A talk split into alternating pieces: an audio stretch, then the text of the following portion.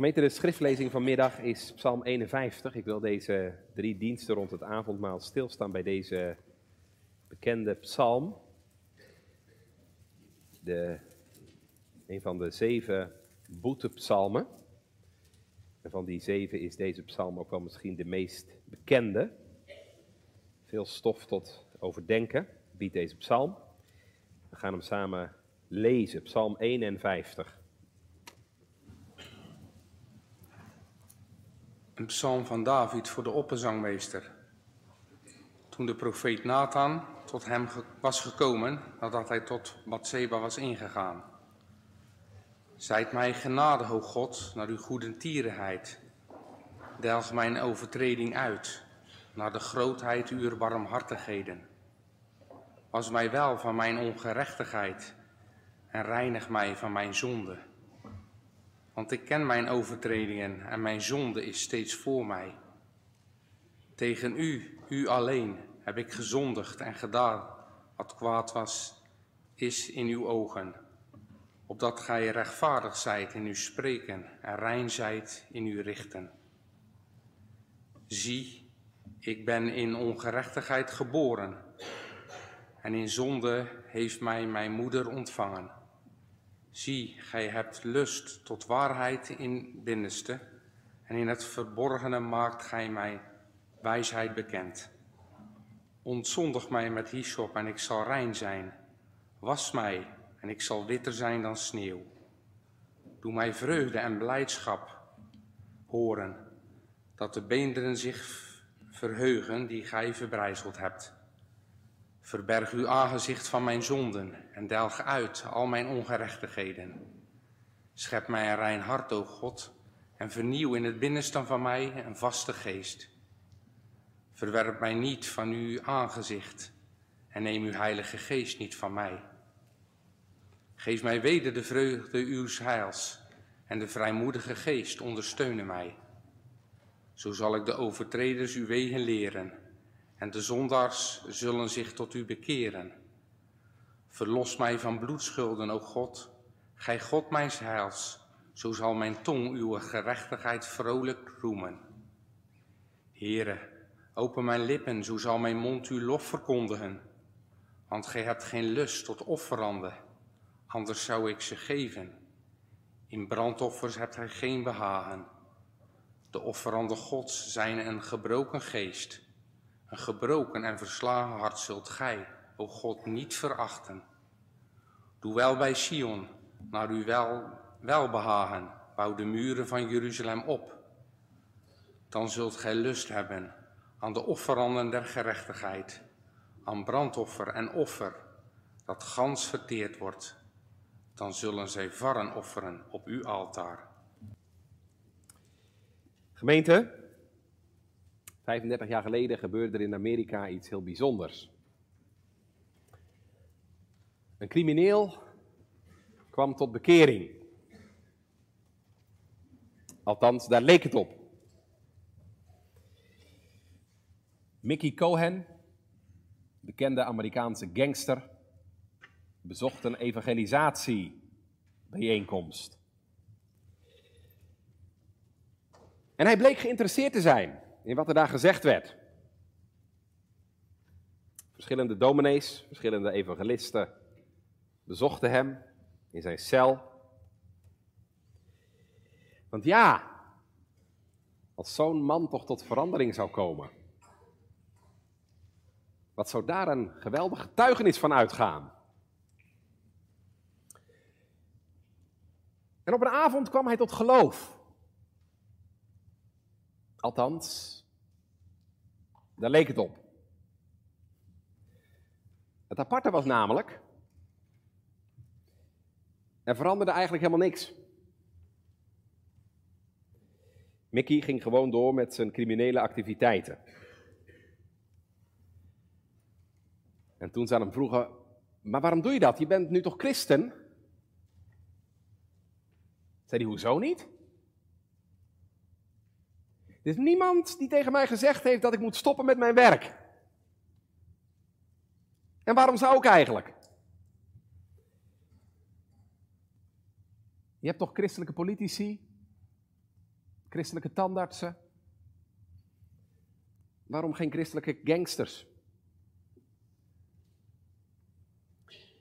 Toen legde iemand hem uit dat geloof in de Heer Jezus ook betekent dat je berouw hebt, dat je verdriet hebt over je zonde, dat je daarmee breken wil en je bekeert. Oh, maar dat had niemand hem verteld. En toen ze dat zeiden, wilde hij er ook niks meer van weten.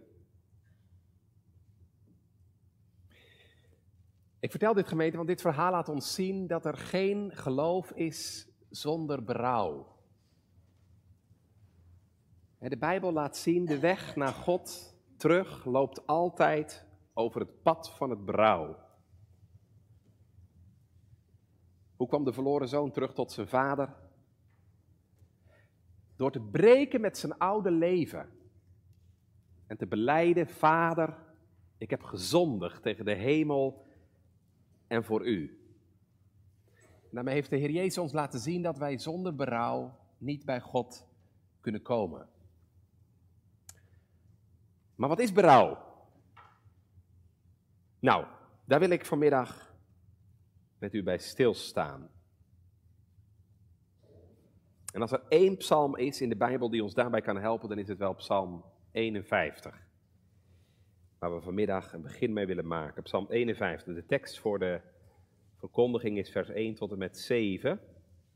Ik lees dat nog een keer voor. Een psalm van David voor de opperzangmeester. Toen de profeet Nathan tot hem was ingekomen nadat hij tot Bathseba was ingegaan. Wees mij genadig, o God, naar uw goede tierenheid. Delg mijn overtreding uit, naar de grootheid van uw barmhartigheden. Was mij wel van mijn ongerechtigheid. Reinig mij van mijn zonde. Want ik ken mijn overtredingen. En mijn zonde is steeds voor mij. Tegen u, u alleen heb ik gezondigd en gedaan dat kwaad is in uw ogen, opdat u rechtvaardig bent in uw spreken en rein bent in uw richten. Zie, ik ben in ongerechtigheid geboren en in zonde heeft mij mijn moeder ontvangen. Nou, dit gedeelte laat zien, gemeente, oprecht berouw bestaat uit drie dingen. Drie aspecten, drie kanten. Het eerste is inzicht. Het tweede is schuldbeleidenis. En het derde is hoop. Inzicht, schuldbeleiden, hoop. Denkt u vanmiddag maar even aan zo'n ouderwets krukje, zo'n driepoot. Zo'n krukje heeft drie poten en hij heeft ze ook alle drie nodig om op te staan. Je kunt er niet één van missen, want dan valt hij om. Nou, zoals met berouw ook. Kruk van berouw heeft drie poten. De eerste heet inzicht. De tweede heet schuldbeleiden. En de derde heet hoop. Hoop op de Heer. Gemeente, Volgende week beleven we wel zijn, zal er weer bediening zijn van het heilig avondmaal. Wat heb je nou nodig om deel te kunnen nemen aan het avondmaal? Ja, nou zeg je misschien uh, geloof, natuurlijk. Je hebt geloof nodig Geloof in de Heer Jezus om deel te kunnen nemen aan het avondmaal. Dat hebben we vanmorgen gehoord, hè? Met het hart gelooft men ter rechtvaardigheid. Nou, daar hebben we helemaal gelijk in. En we zullen straks lezen in het formulier. Gelooft u de gewisse belofte van God dat al uw zonden u om het lijden en sterven van Christus vergeven zijn? Maar gemeente, dat is niet het enige. En u zult het wel horen als we straks het formulier lezen, hoort u ook dat dat ook niet het eerste is wat genoemd wordt. want het avondmaalsformulier begint met wat anders. Het formulier begint met deze oproep. Ten eerste, dus in de eerste plaats, bedenken een ieder bij zichzelf zijn zonde en vervloeking, opdat hij zichzelf mishagen en zich voor God verootmoedigen.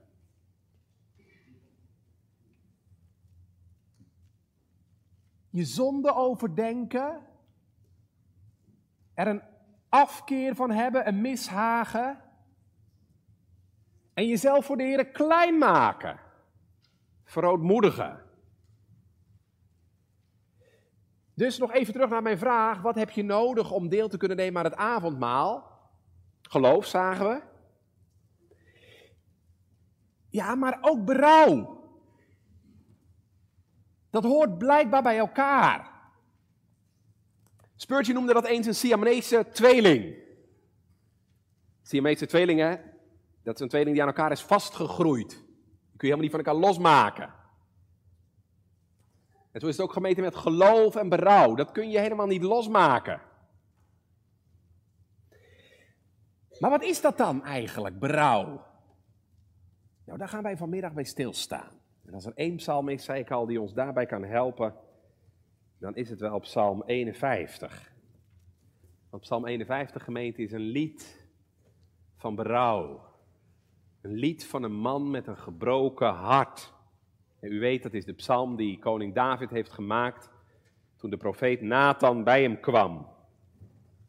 Onvoorstelbaar wat er in Davids leven gebeurde. Dat had je toch nooit voor mogelijk gehouden. Dat zoiets bij een kind van God, bij een man naar Gods hart gebeuren zou. David gemeente is het spoor helemaal bijster geraakt. Weet allemaal hoe het ging hè? Bij David, van het een kwam het ander. Begeerte leidde tot overspel. Overspel leidde vervolgens tot een listig web van leugens en bedrog. En uiteindelijk zelfs tot moord. De moord op een onschuldige man. Het lijkt wel gemeend alsof David in een roes verkeert. Totdat op die dag Nathan binnenkomt. U kent het wel, hè? Dat verhaal van die rijke man die dat enige lammetje van zijn arme buurman steelt. David wordt woedend.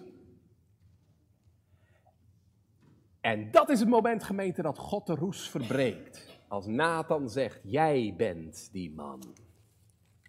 Jij bent die man. En met die paar woorden doorbreekt de Heer dat web van leugen en bedrog. En dat is raak, gemeente, want David gaat door de knieën. God zet hem stil. En u hoort hoe ik het zeg, hè? God zet hem stil. Want gemeente, als een mens tot inkeer komt, dan is dat altijd de Heer die dat doet. Alsof je ineens een spiegel voor je krijgt. En je ineens ziet, oh God, ben ik dat? Ben ik dat die zo bezig ben? En de Heer zegt, ja, dat ben jij. Dan ga je door de knieën, letterlijk en figuurlijk. Ineens ziet David wat hij gedaan heeft. En zoals het formulier net zei, hij krijgt een mishagen aan zichzelf. En hij verootmoedigt zich voor de Heer. En dan, hè, als hij zo ziet wie hij is en wat hij gedaan heeft, dan komt David tot dit gebed, Psalm 51, dit intense gebed. Een schuldbeleidenis van een gebroken man. Eerlijk, diep, vol pijn ook, maar gemeente ook vol verlangen en hoop. Deze psalm laat nou zien, gemeente, wat berouw is en inhoudt. En daarom kan hij ons vandaag ook zo ontzettend helpen in deze oppervlakkige tijden waarin wij leven. Waarin berouw steeds meer een vreemd woord lijkt te worden, ook binnen de kerk. Maar wij moeten dat woord spellen en persoonlijk ook leren in ons leven. Nou, ik zei net, we zien in dit gedeelte drie dingen.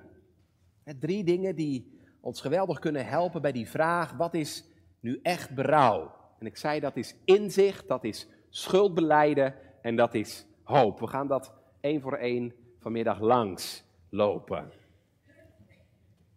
Eerst dat eerste. Berouw is inzicht. Ja, berouw betekent altijd dat je inziet wat je hebt gedaan. We zagen net, David ziet ineens wat hij gedaan heeft. Heeft hij dat dan niet geweten? Natuurlijk wel. Hij wist drommels goed dat het hartstikke fout was wat hij deed. Maar gemeente, wij mensen zijn er zo geweldig goed in, jij en ik, om dingen weg te stoppen. Doe jij misschien ook wel. Er zijn dingen in je leven gebeurd die niet kunnen. Dingen waarmee je de Heer vertorend hebt. En je weet het. Diep in je hart weet je dat natuurlijk wel. En toch ben je bezig het te verbergen. Voor anderen natuurlijk, maar ook voor jezelf. Hoe lang ben je er al mee bezig? Natuurlijk, ogenschijnlijk probeer je gewoon door te gaan. Ogenschijnlijk probeer je gewoon door te leven. Met bidden, met Bijbel lezen. Je gaat misschien gewoon aan het avondmaal. Het klopt niet. Het klopt van geen kanten. En toch leef je door, ga je door met God uit te dagen. David deed dat, gemeente. Hij bad misschien gewoon wel elke dag, terwijl hij bloed aan zijn handen had. Hij ging naar het huis van God om offers te brengen.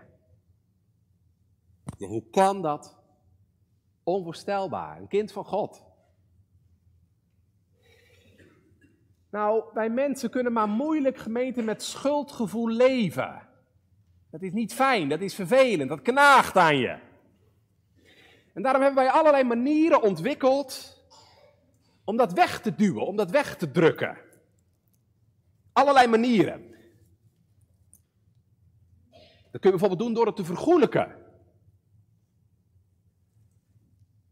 Het was niet zo erg.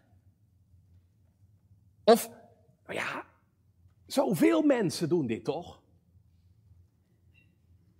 Ja, je enquête moet geloven, gaat de helft van de Nederlanders vreemd regelmatig. Zoveel mensen doen het toch? Vergoelijken. Of andere tactiek, je probeert de schuld bij anderen neer te leggen. Hij heeft het zelf uitgelokt. Hij heeft er zelf naar gemaakt. Misschien heeft David het ook wel gedaan. Had Batseba zich dan maar niet moeten gaan wassen? Of zo, hè? Of had Uria maar naar zijn vrouw moeten gaan? Dan had hij zijn leven gered.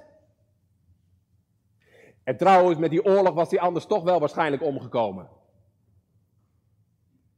Kijk, en zo maak je een rookgordijn, waardoor je de dingen niet meer helder ziet. Totdat God ineens die flarden wegrukt. En je gaat zien wat er werkelijk gebeurd is, wat je werkelijk gedaan hebt. Ik heb gezondigd en gedaan wat kwaad was in uw oog. Kijk, berouw betekent dat jij inziet dat wat je gedaan hebt zonde is. Ik heb gezondigd. Het was geen foutje, het was geen ongelukje, het was geen uitglijder, maar het is zonde. Dat zie je hier ook. Kijk even mee. Vers 3 en 4, hè? David noemt wel drie verschillende woorden voor wat hij gedaan heeft. Vers 3, hè? Dan heeft hij het over mijn overtreding. Vers 4, mijn ongerechtigheid. Gelijk erachteraan, mijn zonde.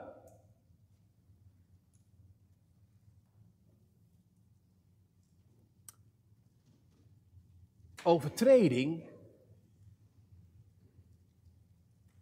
Dat betekent dat jij heel moedwillig een grens overtreedt, een grens overschrijdt. Ongerechtigheid zit het woordje recht in. Het betekent het is niet recht, maar het is krom.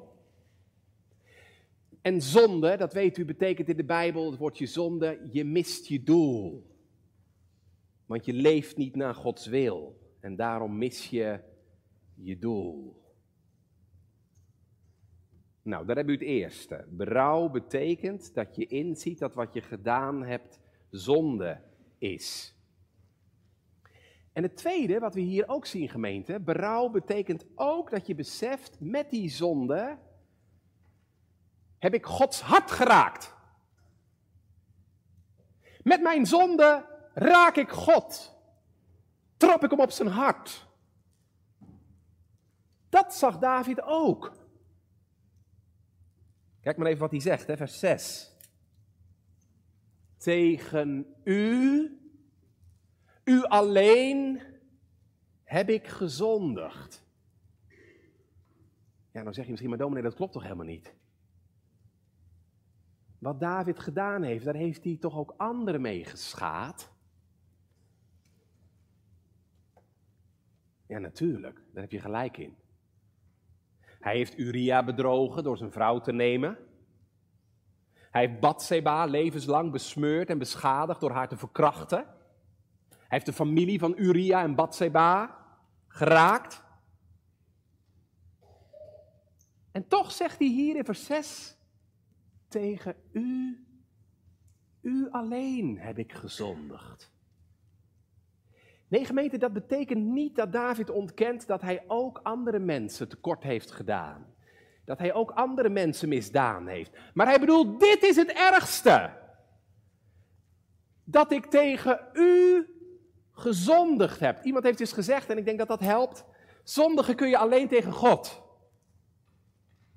Zondigen kun je alleen tegen God. Kijk, naar een ander kun je fouten maken en misstappen begaan. Maar zondigen kunnen we alleen maar tegen God. En dat beseft David. Met mijn gedrag heb ik God geraakt, uitgedaagd, beledigd. Geloof je dat ook? Geloof je gemeente dat we met onze zonde de Heer uitdagen? En zolang je net als David ervoor kiest om je eigen gang te gaan, Zolang je ervoor kiest om te doen wat God niet wil, ben je bezig God uit te dagen. Want je zegt als het ware, God zoek het maar uit. Zoek het maar uit. Ik bepaal zelf wel wat ik doe en wat ik wil en wat ik denk en wat ik vind. Het is toch mijn leven? Het is toch mijn tijd? Het is toch mijn geld? En wat u vindt, daar lig ik niet wakker van. Maar weet je wat de Heer dan zegt? Als jij niet naar mij luistert, als jij net doet alsof ik er niet ben, als je mij negeert, dan raak je mij in mijn hart. Kijk, dat wil de Heer gemeente dat we zien. En inzien. Beleiden. En daarom betekent berouw ook dat je inziet dat je zonde tegen God gericht is. Zie jij dat ook? Nou, wees er maar dankbaar voor. Dat God jou dat liet zien. Want ik zei hè, dit is altijd God die je dat laat zien. Dat David dit ging zien toen Nathan binnenkwam, dat deed hij niet zelf. als dan David had gelegen, gemeente had hij misschien wel tot zijn tachtigste zo doorgeleefd. Want als dan ons licht gemeente komen wij echt niet tot inkeer hoor. Dat Davids ogen open gaan, dat doet de Heer. Moet eens kijken wat hij zegt hè, in vers 8. In het verborgene maakt u mij wijsheid bekend. Daarmee bedoelt, dat, bedoelt, dat betekent, Heere, u bracht mij hiertoe. U opende mijn ogen. U liet het mij zien. U maakte mij gelukkig zo wijs dat ik dat ging zien. In het verborgene maakt u mij wijsheid bekend. Er is nog iets wat David zag. hebben al gezien, hè? Hij zag dat wat hij gedaan had zonde was. Drie woorden gebruikte hij er wel maar liefst voor, hè?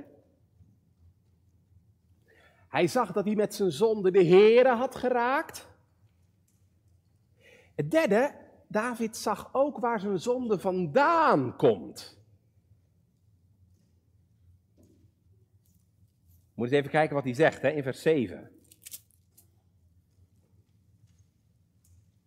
Zie, ik ben in ongerechtigheid geboren en in zonde heeft mij mijn moeder ontvangen. Wat bedoelt hij daarmee?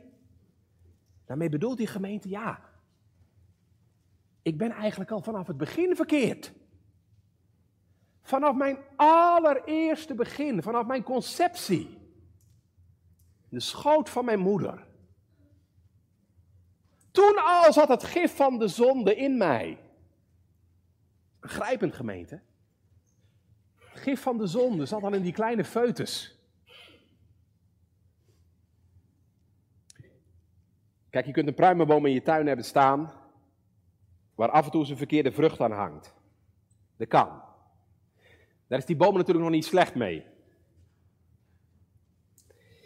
Maar ons probleem als mensen, gemeente, is dat niet alleen de vruchten slecht zijn, maar de Bijbel zegt, de boom zelf is slecht.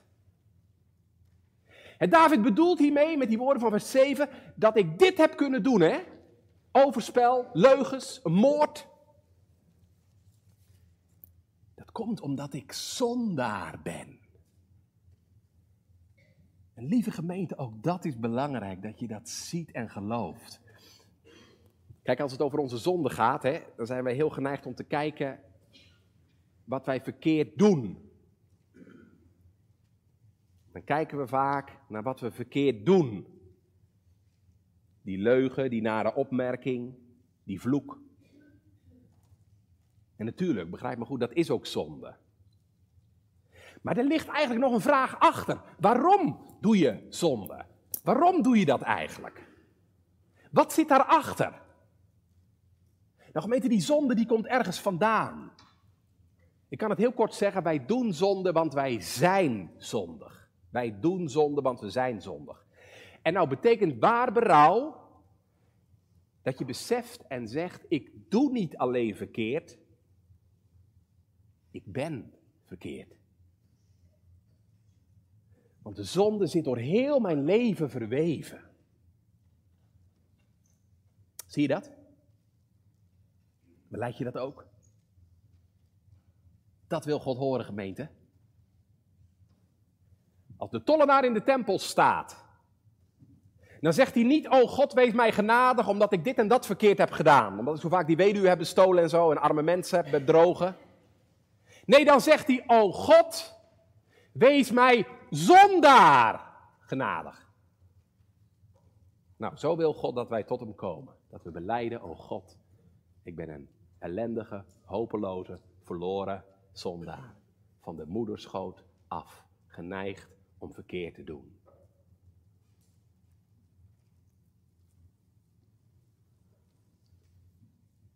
Heeft u nou duidelijk wat berouw is?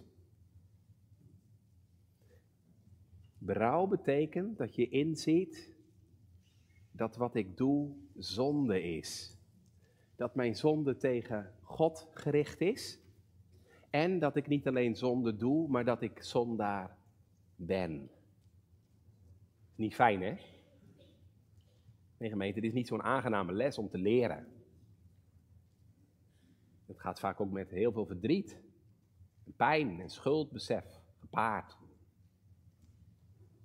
En toch, gemeente, mag je er dankbaar voor zijn als je dit gaat zien en leert in je leven. Want weet je, deze pijn is uiteindelijk een heilzame pijn. Het is een pijn waar je beter van wordt. Het is een pijn die je geneest. Kijk, pijn voelen omdat je ziek bent, dat kan heel moeilijk zijn natuurlijk. En toch, hè, als je daardoor naar de dokter gaat, die je helpen kan, ben je er achteraf toch dankbaar voor dat je die pijn voelde.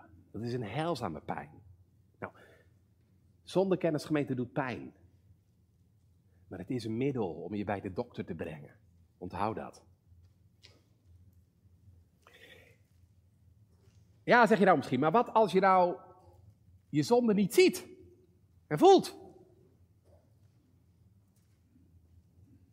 Ja, dat kan. Gemeente, er zijn miljoenen mensen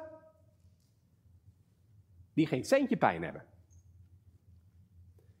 Die leven alsof ze sneeuwwitje zijn. Die niet beseffen en willen beseffen dat ze zondaren zijn en dat God op hen vertoornd is. Misschien jij wel, vanmiddag. Ken je dat gedicht van die bekende dominee uit Schotland? McChain? Dan kijkt hij terug op zijn leven. Wat zegt hij dan? Eens was ik een vreemdeling voor God en mijn hart. Ik kende geen schuld en gevoelde geen smart. Dus dat kan. En dat was gewoon een keurige jongen die elke zondag met zijn vader en moeder naar de kerk ging. Dus dat kan, dat je in de kerk zit en toch geen zonde kent. Je weet niet wat het is om er verdriet over te hebben. Je weet niet wat berouw is. En je beseft niet dat wat je doet tegen God gericht is. Zo heb ik ook geleefd. Je weet dat er dingen in je leven zijn die absoluut niet deugen, die absoluut niet kloppen. En toch leef je doodleuk door. Gemeente, ik lag er geen minuut wakker van.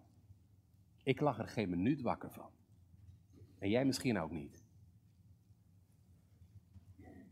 Dan wil ik je vanmiddag vragen. Om nou toch eens eerlijk naar jezelf te kijken. Durf je dat? Durf jij om eerlijk naar je leven te kijken? Durf jij je leven te leggen naast de maatstaf van God? dus niet van je vrienden of van wat mensen om je heen vinden op je werk. Nee, leg je leven nou eens naast wat God vindt. Gewoon hier in de Bijbel. Leg je leven nou eens naast de geboden van God. En, en stel jezelf dan de vraag: is Hij de eerste in mijn leven? Is Hij de Heere jouw God? En is het je verlangen om Hem in alles te gehoorzamen? En Hem lief te hebben boven alles en je naast als jezelf? Durf je dat? Durf je zo eerlijk naar je leven te kijken? Oh, doe het. Als je het nog niet eerder deed. En, en dan mag je gewoon aan de Heer vragen of hij jou daarbij wil helpen. Dan mag je vragen dat de Heilige Geest jou daarbij helpt. Dat Hij jou overtuigt van zonde. Want gemeente, dat is absoluut nodig. Weet je waarom? Nou, denk aan wat ik net zei. Zonder die pijn ga je niet naar de dokter. Zonder overtuiging van zonde zul je nooit Jezus zoeken.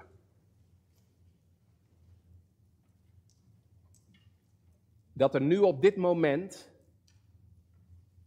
miljoenen mensen in de hel zijn, is omdat zij nooit werkelijk overtuigd waren van hun zonde en zondigheid. Misschien wisten ze het theoretisch, omdat ze het in de kerk hoorden. Maar het was nooit werkelijk nood. Ze braken er niet onder. Ze konden ermee doorleven tot hun dood toe. En ze leerden nooit als een arme verloren zondaar tot Jezus te vluchten. En weet je, daarom zijn ze nu in de hel. Zo belangrijk is overtuiging van zonde. Gaan naar ons tweede punt. Want berouwgemeente is niet alleen maar inzicht. Dat wat je doet zonde is. Dat je zonde tegen God gericht is.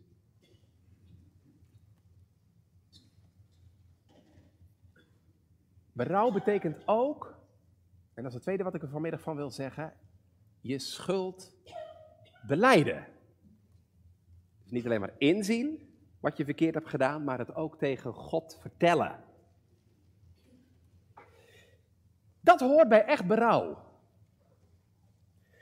Kijk, er zijn natuurlijk genoeg mensen die heus wel beseffen dat ze fouten maken. En dat willen ze misschien ook nog wel toegeven ook, dat ze fouten maken. Maar ze beseffen niet dat het zonde is. En het komt al helemaal niet in ze op om het aan God te vertellen, om het aan God te beleiden. Maar gemeente, als je berouw hebt, dan doe je dat dus wel.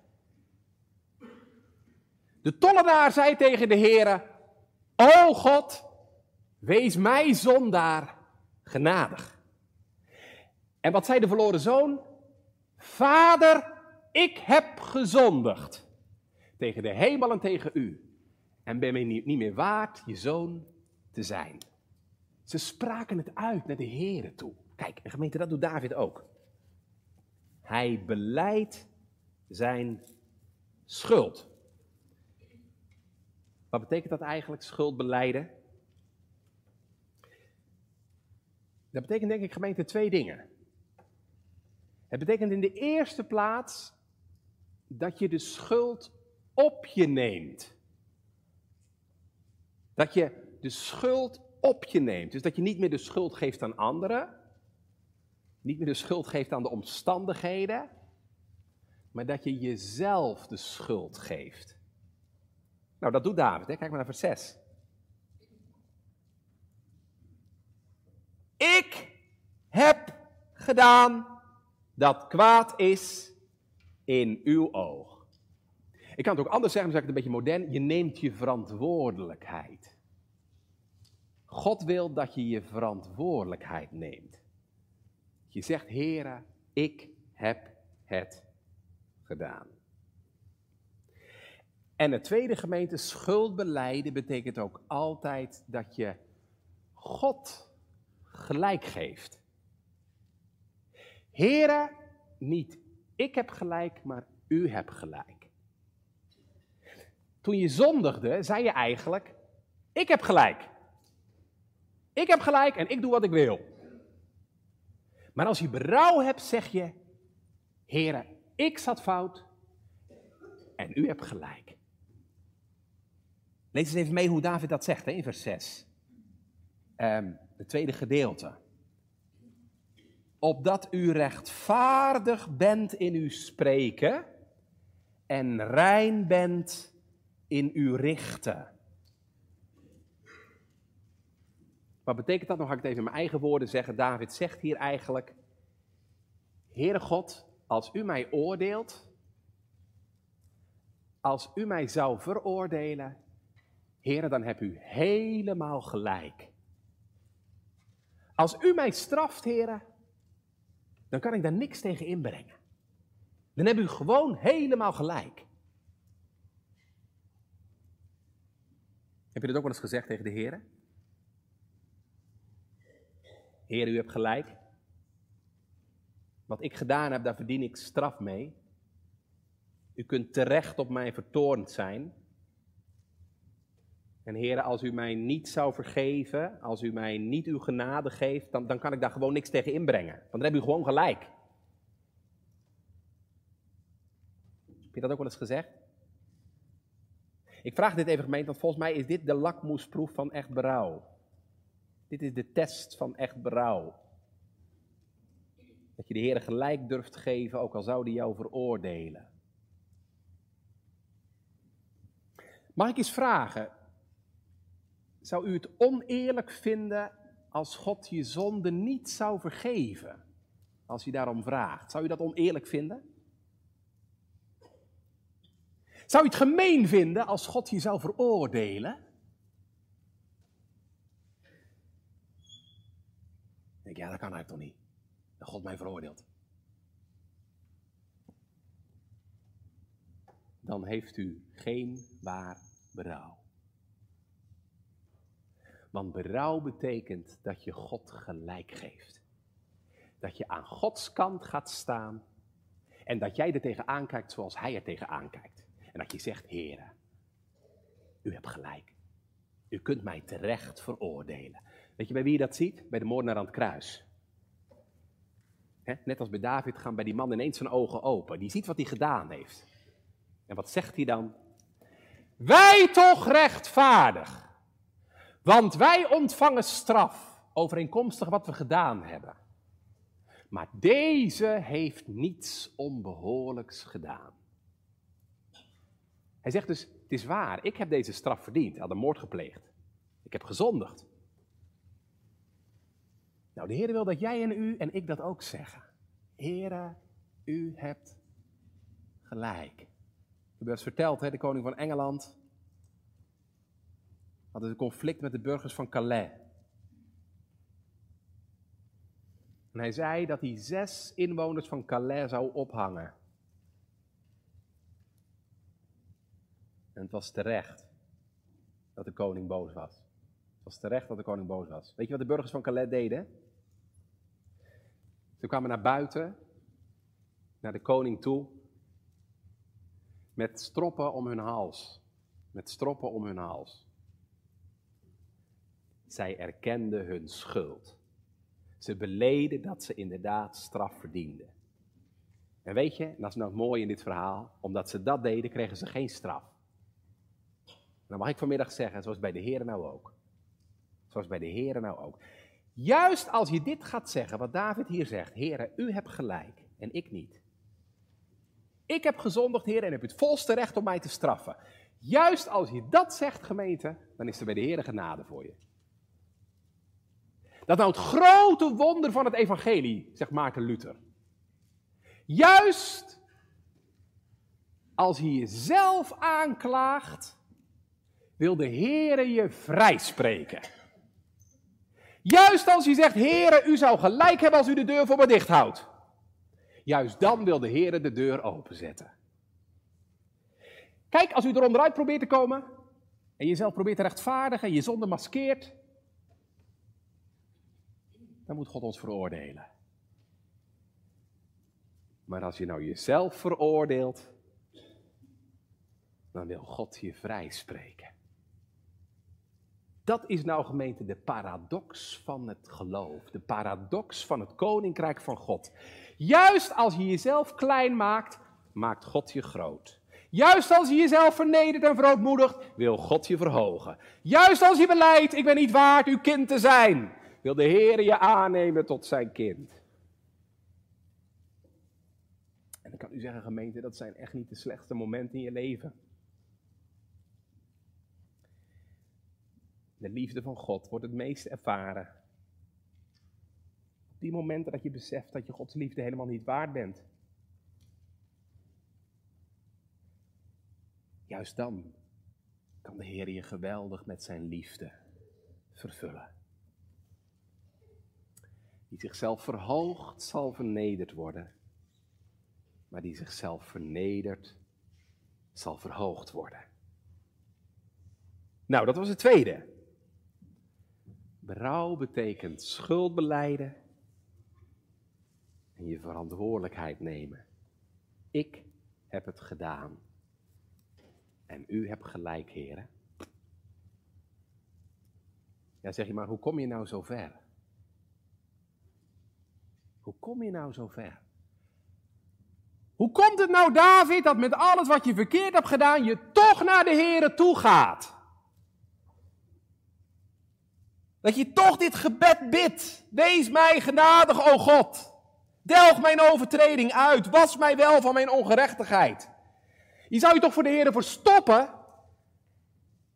Je zou toch heel hard weglopen? Zoals Adam en Eva dat deden. Hè? Die verstopten zich achter de struiken.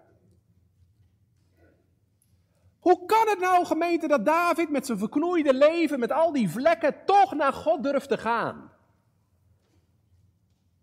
Ja, nou komen we bij de kern.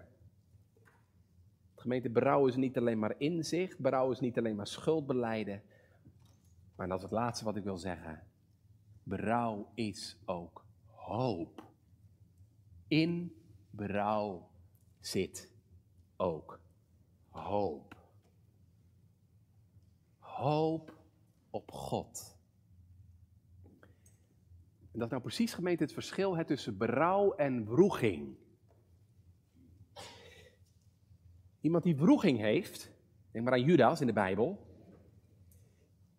die ziet wel wat hij verkeerd heeft gedaan, maar die heeft geen hoop. Iemand die wroeging heeft, gemeente, die is in de greep van de wanhoop. Komt nooit meer goed. En je ziet het bij Judas. Kan er maar beter mee stoppen. Met het leven. Maar dat is niet zo bij berouw. Nu zeggen ze heel belangrijk, gemeente, in berouw zit hoop. Hoe komt het dat David niet aan de wanhoop is onderdoor gegaan?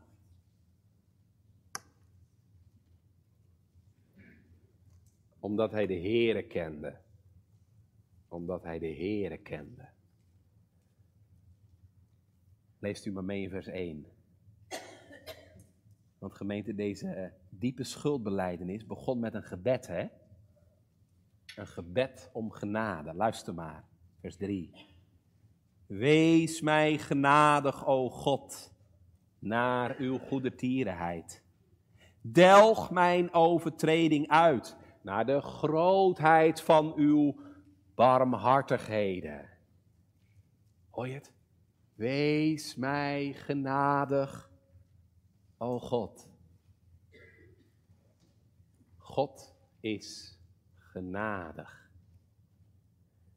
Kijk, en omdat God genadig is, kan deze moordenaar, deze overspeler, bidden. Wees mij genadig. Want zoals hier een van de andere psalmen zegt, David weet, hij doet ons niet naar onze zonden. En hij vergeldt ons niet naar onze ongerechtigheden, maar zover het oosten verwijderd is van het westen, zo ver doet hij onze overtredingen van ons. En als je vraagt waarom? Waarom, en misschien is dat wel jouw vraag vanmiddag, waarom kan God mijn zonde vergeven? Waarom zou God mij genadig zijn?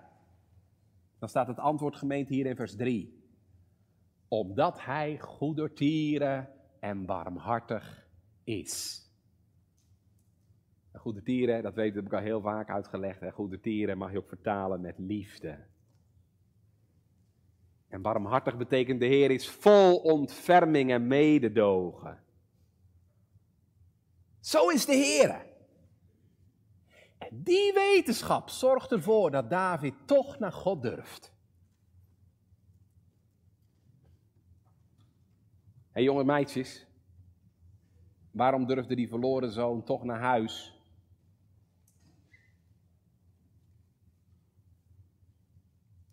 Omdat hij zijn vader kende. Omdat hij wist, mijn vader is goed en barmhartig.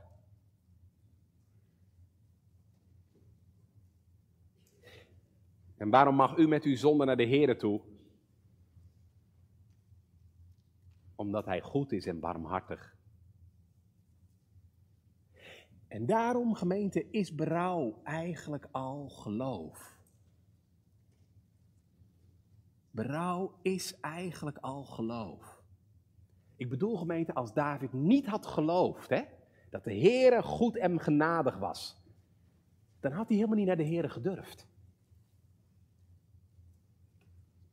En denk eens aan die tollenaar. Als hij er niet van overtuigd was dat de Heer een genadige God is, had die man nooit durven bidden, o God wees mij zondag genadig. Echt berouw is eigenlijk al geloof. Ja, er is droefheid,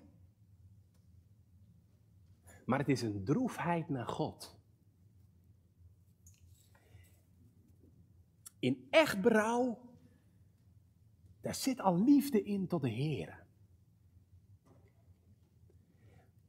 En ondanks wat je verkeerd hebt gedaan, word je toch naar de Heer toegetrokken. Je hebt tegen God gezondigd, had die verloren zoon ook tegen zijn vader, hè? Maar ik kon hem toch niet meer missen. En zo is het ook in het geloof. Je hebt tegen de Heer gezondigd, maar je kunt hem ook niet meer missen. Er is iets in hem wat je trekt. Want je ziet iets van zijn genade en barmhartigheid, dan is het maar heel in de verte. En er is een verlangen om hem te kennen. Om bij hem te mogen komen. Om met hem in het reine te komen. En daarom durf je toch naar hem toe te gaan. Durf je toch om genade te vragen. En dat heeft David gedaan. Wees mij genadig, o God, naar uw goede tierenheid. Delg mijn overtreding uit, naar de grootheid van uw barmhartigheden. En u weet, God heeft David vergeven.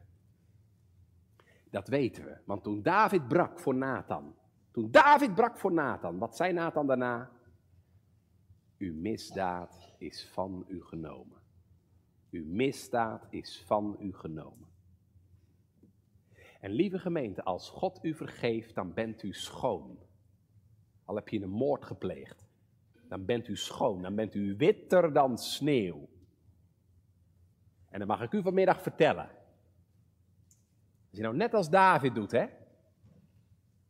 Je zonde beleid. Erkennen dat wat je gedaan hebt kwaad is in zijn oog. Je eerlijk God gelijk geeft. En jezelf veroordeelt. Dan mag ik u zeggen, dan is er bij de Heer ook voor u genade.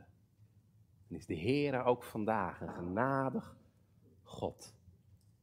En dan mag je net als David op die genade pleiten. Heere, wees mij genadig, naar uw goede tierenheid. Telg mijn overtreding uit, naar de grootheid van uw barmhartigheden. Weet je wat Calvijn zegt?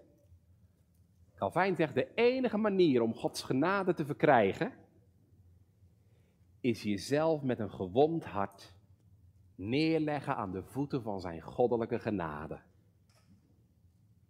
Jezelf met je gewonde hart neerleggen aan de voeten van zijn goddelijke genade. En gemeente, dan hebben wij toch nog veel meer reden dan David om op de Here te hopen.